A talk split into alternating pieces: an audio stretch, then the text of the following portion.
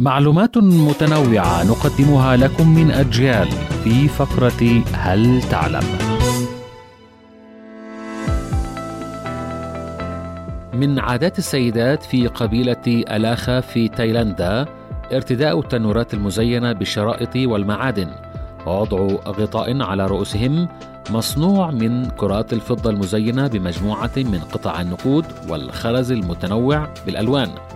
ومن تقاليدهم الأخرى عدم استخدام هذه القبيلة الكتابة حيث يفسرون ذلك من إحدى الأساطير القديمة والتي تقول إن نصوصهم قد كتبت على الجلود الخاصة بالثيران وفي إحدى الحروب أكل الغزاة